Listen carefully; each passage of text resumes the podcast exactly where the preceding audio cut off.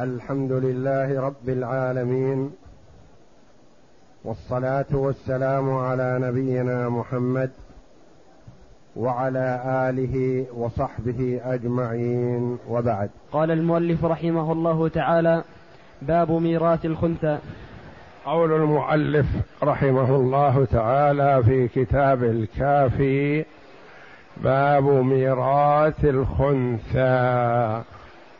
والخنثى هو من له آلة ذكر وآلة أنثى. له ذكر وله فرج امرأة. فلا يدرى أهو ذكر أم أنثى.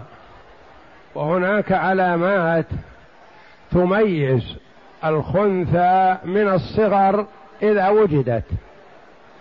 وعلامات تميز الذكر من الأنثى بعد البلوغ. فالعلامات الأولى من الصغر المبال. إذا لم يعلم أهو ذكر أم أنثى فينظر. من أين يخرج بوله؟ فإن خرج من الذكر فهو ذكر. وإن خرج من الفرج فهو أنثى. فإن خرج منهما معا فينظر أسبقهما. فإن استويا في الخروج ينظر أكثرهما بولا. فإن استويا في هذا وهذا وهذا سمي خنثى مشكل. ثم ينظر فيه العلامات المتأخرة. فإن مات قبل ظهور العلامات المتأخرة سمي خنثى مشكل وأعطي نصف ميراث ذكر ونصف ميراث أنثى يعني يعطى لا ميراث ذكر ولا ميراث أنثى وإنما بينهما. كما سيأتي تفصيله. فهذا هو الخنث الذي معه آلة ذكر وآلة أنثى. فإن اتضح فيما بعد فهو ليس بخنثى حينئذ يكون ذكر أو أنثى حسب ما يتبين. فإن كبر ولم يتبين ينظر بعد البلوغ ميله إلى الرجال أم ميله إلى النساء؟ عنده شهوة الرجال أو شهوة النساء؟ مات قبل أن يتبين أو بلغ ولم يظهر عليه. لا هذا ولا هذا. سمي خنثى مشكل.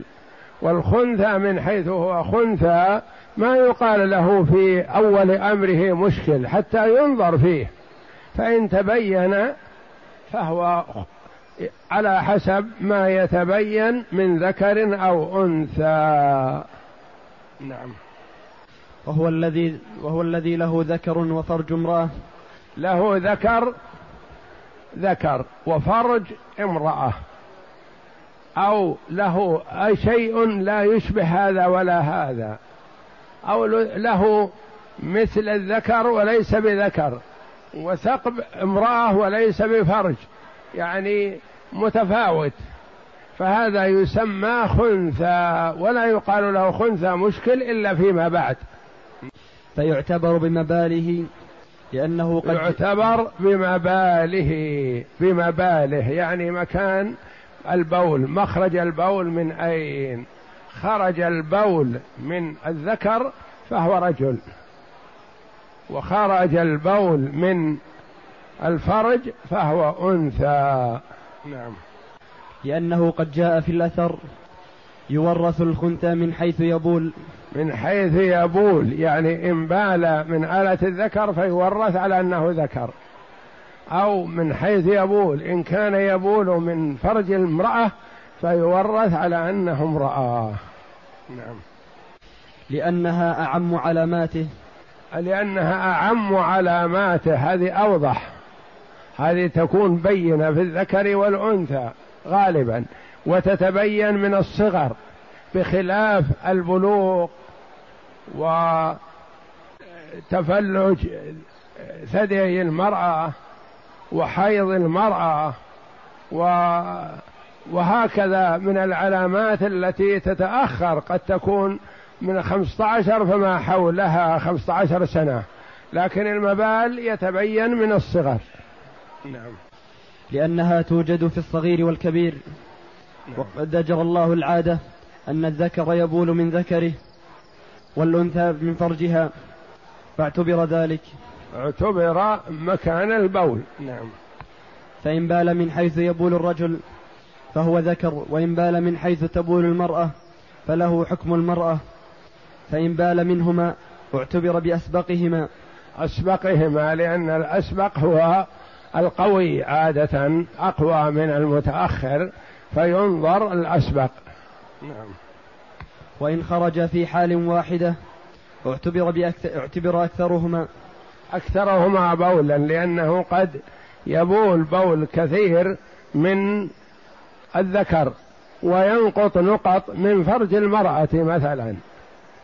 فيعتبر ذكر أو العكس فيعتبر أنثى. نعم. لأن الأكثر أقوى في الدلالة فإن استو... أقوى في الدلالة يعني إذا كان البول كثيرا من آلة الذكر فهذا دلالة على أنه هذا هو الآلة المعتبرة بالنسبة له يعني أنه ذكر. فإن استويا فهو مشكل. فإن استويا فهو مشكل. ثم ينتظر العلامات المتأخرة. إن مات قبل العلامات المتأخرة كيف يورث؟ يعني كيف يؤخذ نصيبه؟ مثلا إذا مات الرجل وخلف ابن وبنت وخنثى. كيف يعطى الابن على أن شركاءه مثلا بنتين وهو أو على أن شركاءه بنت وولد؟ كيف يعطى؟ وكيف هو يعطى حقه؟ يقال يعطى. إذا كان مشكل إذا كان غير مشكل فيعطى كل واحد الأضر في حقه. حتى يبين. فإن أويس من البيان يعني ورث هذا الخنثى من أبيه أو من أمه أو من أخيه أو من أي مورث ثم بعد سنوات مات قبل أن يتبين. يسمى خنثى مشكل. كيف يورث؟ تبي مات قبل أن يتبين أهو ذكر أم أنثى. يعطى نصف ميراث ذكر ونصف ميراث أنثى. أما إذا رجي التبين فإنه ينتظر في القسمة أو يقسم ويعطى الأضر كل واحد يعطى الأضر في حقه. إما أن يقال لهم أتنتظرون حتى يتبين شأن أخيكم أهو أنثى أم ذكر؟ قالوا لا نحن في حاجة إلى نصيبنا من الميراث. نقول نعطيكم على أنه الأضر في حقكم على أنه ذكر إذا كان الأضر ذكر. نعطيكم على أنه ذكر. ونعطيه هو على أنه أنثى. فإذا كان الأضر في حق الورثة كونه أنثى أحيانا تكون الأنثى أكثر من الذكر. فيعطى على أنه أنثى ويعطونه ويعطى هو على أنه ذكر الأقل في حقه وهكذا يعطى الأضر. فإذا تبين فيما بعد أخذ كل واحد نصيبه وإذا لم يتبين أعطي كل واحد الأضر وبقي بقية معنا. ثم مات هذا الخنثى قبل أن يتبين. نقسم قسمة جديدة على أنه لا ذكر ولا أنثى فيعطى نصف ميراث ذكر ونصف ميراث أنثى وتقسم التركة هكذا كما سيأتينا إن شاء الله. نعم. فإن مات له من يرثه اعطي هو ومن معه اليقين. ووقف الباقي. اليقين يعني الذي هو الأقل. المتيقن هو الأقل والغير المتيقن هو الكثير. نعم. ووقف الباقي حتى يبلغ فينكشف هو ومن معه. يعني كلهم يعاملون بالأضر وتحفظ البقية. إذا تبين صاحبها فيما بعد ردت إليه. مثلا مات عن ابن وولد خنثى. كيف نقسم؟ قال الذكر مثلا أريد حقي والخنثى في حاجة إلى النفقة مثلا. نقول نقسم نعطي الذكر نصف المال على أن صاحبه هذا أخوه ذكر. نعطيه النصف. ثم نعطي الخنثى الثلث على أساس أنه هو أنثى. نعطيها الثلث يبقى معنا ماذا؟ السدس. يبقى معنا السدس. أعطينا الذكر نصف. وأعطينا الخنثى ثلث. بقي معنا سدس. إن تبين فيما بعد أنه ذكر أخذ هذا السدس وصار هو أخوه سواء. وإن تبين أنه أنثى أعطينا السدس للذكر فصار له ثلثين ولأخته الثلث وهكذا الموقوف حتى يتبين الأمر. يوقف حتى يتبين الأمر. ولا نقول نقسم بينهم بالسوية ثم بعد ذلك نسترجع لا. الأصل في الميراث أنه ما يعطى الرجل ولا المرأة إلا ما هو له يقين. ولا نعطيه أكثر من حقه ثم نسترجع منه قد لا نجد شيئا فنضيع حق الآخر. فإن مات. فإن مات له من يرثه أعطي هو ومن معه اليقين ووقف الباقي حتى يبلغ فينكشف الذي هو السدس في مسألتنا هذه يوقف. نعم. بأن يظهر فيه علامات الرجال من خروج المني من ذكره ونبات, ونبات اللحية أو علامات النساء من تفلك الثدي والحيض والحمل فإن يؤس من ذلك فله نصف ميراث الذكر نصف نصف نصف ميراث ذكر ونصف ميراث أنثى. إن أيس من هذا يعني ما ما يستمر على قسمتنا الأولى نقسم بأن نعطيه نصف ميراث ذكر ونصف ميراث أنثى. فيأخذ نصف ميراث ذكر ونصف ميراث أنثى. فمثلا كأن نقول مثلا المسألة في ذكر وخنثى المسألة من ستة. نعطي الذكر المتميز أربعة. ونعطي ما تكون من ستة. نعطي الخنثى ثلاثة. فتكون تعود إلى سبعة. تعود إلى سبعة. لأنها لو كان ذكر وأنثيين أخذوا هكذا. أو ذكر ذكران مثلا هو تبين إذا تبين أنه ذكر فتأخذ فيأخذ النصف كامل مثل ما مثلنا سابقا. لكن أيس من التبين فيعطى نصف ميراث ذكر ونصف ميراث أنثى. نقسم المسألة على أنه ذكر ثم نقسمها على أنه أنثى ونعطيه نصف هذه ونصف هذا فيكون أخذ نصف نصيب ذكر ونصف نصيب أنثى كما سيأتينا في المثال. نعم. فإذا اجتمع ابن وبنت وولد خنثى. انتبه. فإن اجتمع ابن يعني ابن ذكر متميز وبنت أنثى متميزة. وولد خنثى. وأيس من البيان أيس من هذا كأن مات الخنثى قبل البلوغ وقبل بيان أهو ذكر أم أنثى. نعم. فللذكر أربعة أسهم. للذكر أربعة أسهم لأنه يعطى أربعة. والأنثى إذا أخذ الذكر أربعة كم تأخذ الأنثى؟ اثنين اثنين وأربعة ستة. ثم الخنثى هذا نعطيه نصف ميراث الذكر اثنين ونصف ميراث الأنثى واحد. يأخذ ثلاثة نصف ميراث ذكر ونصف ميراث أنثى. ثلاثة وستة من تسعة تصح من تسعة. نعم. وللخنثى ثلاثة وللبنت سهمان لأنه يحصل بهذا العمل له نصف ميراث الذكر ونصف ميراث الأنثى. نعم فإن كان على هذا قف على هذا. هذه المسألة الثانية ستأتي إن شاء الله.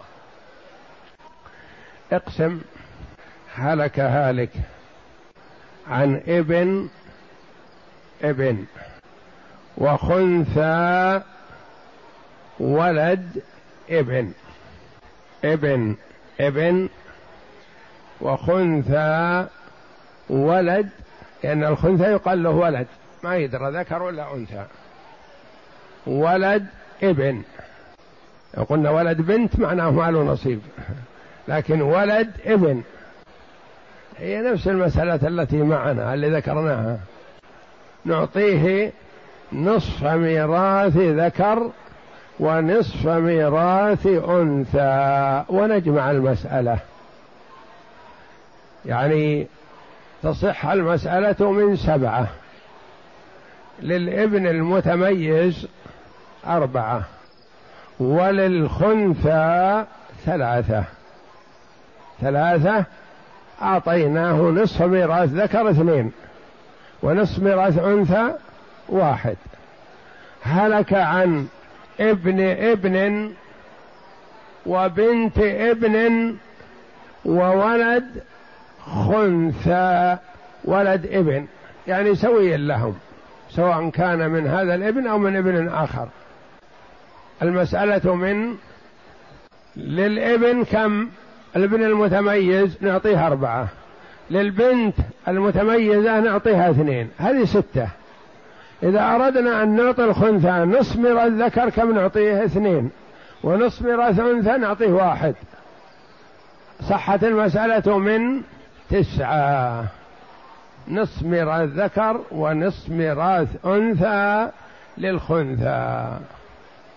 وشرط أن نجعل أصل المسألة بحيث أنه قابل للنصف نصف ونصف حتى نصيب الأنثى ولا كأن نقول المسألة من ثلاثة مثلا لكن ما يصح من ثلاثة. لأن إذا قلنا ثلاثة اثنين وواحد اثنين للذكر واحد للأنثى الخنثى منين نعطي حقه؟ وإذا جعلنا له اثنين ما صح أعطينا واحد ونصف ما صح. ما صحت المسألة. إنما نسلسلها بحيث أنه يكون قابل للقسمة. قابل للقسمة. مثلا نقول بنتين وابن وولد خنثى. بنتين ولد ابن وبنتين وابن وولد خنثى. نقول مثلا خنثى مشكل مات ولم يتبين. نقول نعطي للابن أربعة ما نقول نعطي للابن اثنين نعطي للابن أربعة ونعطي لكل واحدة من البنات اثنين. هذه كم؟ ثمانية. نعطي الخنثى اثنين من نصيب الذكر واحد من نصيب الأنثى ثلاثة مع ثمانية صحت من أحد عشر. وهكذا.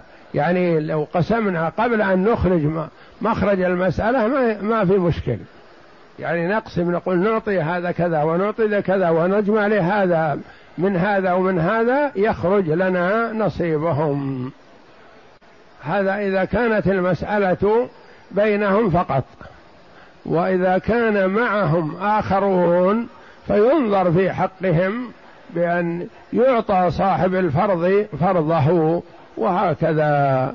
والله أعلم. وصلى الله وسلم وبارك على عبده ورسول نبينا محمد وعلى آله وصحبه أجمعين.